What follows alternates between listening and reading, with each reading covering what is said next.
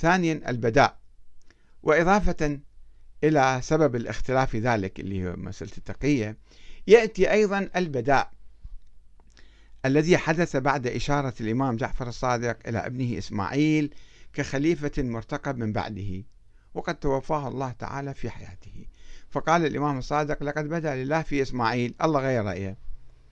ولكن قسما من الشيعة رفض الاعتراف بالبداء وأنكر وفاة الله ما يغير رأيه. إذا عين واحد إمام يعني هو الإمام يعني هذا ما ميت. هاي الموتى كذا. نفوا وفاة إسماعيل. هذا الفريق أنكر وفاة إسماعيل. وزعم بأن عملية دفنه كانت مسرحية. أعدها صادق للتقية. كل شيء يمكن بعد نفسره بالتقية. هاي التقية كان. حتى الأشياء الظاهرية واحد ميت ودفنوه قدام الناس. وشيعوه عشرات أو مئات أو آلاف وهذا يصبح تقية مسرحية تصير هذه. فصار منهج باطني منهج التأويل الباطني. وأصر هؤلاء على نقل الإمامة بعد الصادق إلى ذرية إسماعيل ثم شكلوا الفرقة الإسماعيلية التي أقامت الدولة الفاطمية في مصر. هذول فريق ما قالوا خلص ما دام الصادق قال إسماعيل خلص هو إسماعيل. وبعد ما يتغير الرأي. بينما قام بعض الإمامية آه، قسم آخر يعني بزعامة سليمان بن جرير أو جرير الرقي بمراجعة موقفهم من نظرية الإمامة الإلهية وأعلنوا كفرهم بها. وذلك حسب ما يقول النوبختي. خلينا نقرأ لكم نص كتاب النوبختي في كتاب فرق الشيعة. يقول إنهم لما أشار جعفر إلى إمامة ابنه إسماعيل ثم مات إسماعيل في حياة أبيه رجعوا عن إمامة جعفر. وقالوا كذبنا ولم يكن إماما. هذا ضحك علينا. لأن الإمام لا يكذب ولا يقول ما لا يكون إذا أدى علم من الله. وهذا قال له إمام بعدك يصير. شلون يموت قبله؟ وحكموا على جعفر أنه قال إن الله عز وجل بدا له في إمامة إسماعيل. فأنكروا البداء والمشيئة من الله. قال هذا محاكي مو مضبوط. وقالوا هذا باطل لا يجوز. ومالوا إلى مقالة البترية. ومقالة سليمان بن جرير. وهو الذي قال لأصحابه بهذا بهذا السبب أن أئمة الرافضة وضعوا لشيعتهم مقالتين لا يظهر لا يظهرون معهما من أئمتهم على كذب أبدا وهما القول بالبداء وإجازة التقية.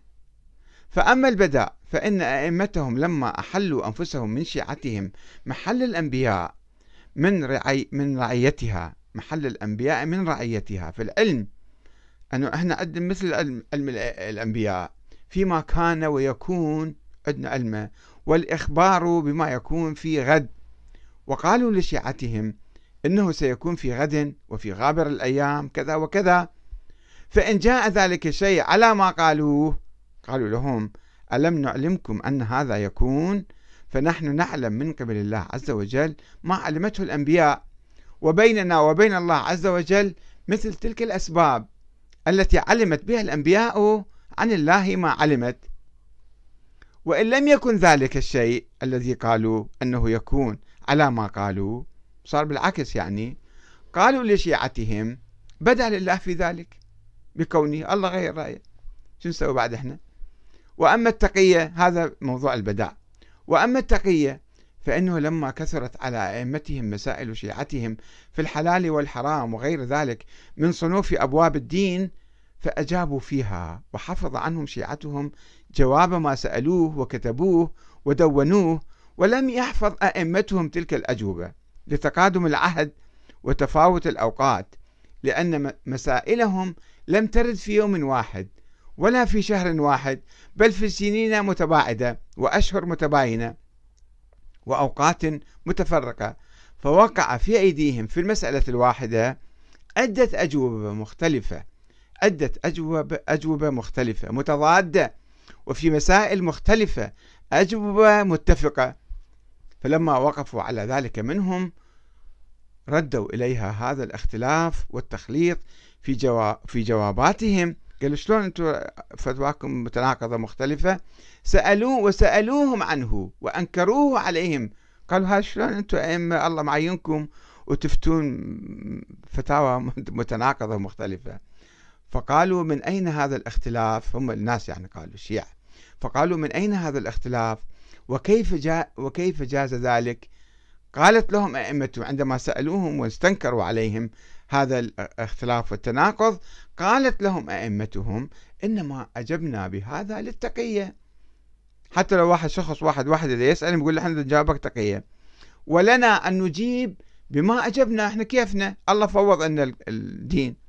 وكيف شئنا؟ لأن ذلك إلينا ونحن نعلم بما يصلحكم وما فيه بقاؤنا وبقاؤكم. إحنا عمدا نلقي الاختلاف بيناتكم. وكف عدوكم عنا وعنكم. تبرير يعني صار هذا. هذا كلام أئمتهم لهم. يعقب هذا النبختي يقول أو هؤلاء الذين انشقوا عن الإمام الصادق ورفضوا الاعتراف بإمامته يقول فمتى يظهر من هؤلاء على كذب؟ ومتى يعرف لهم حق من باطل؟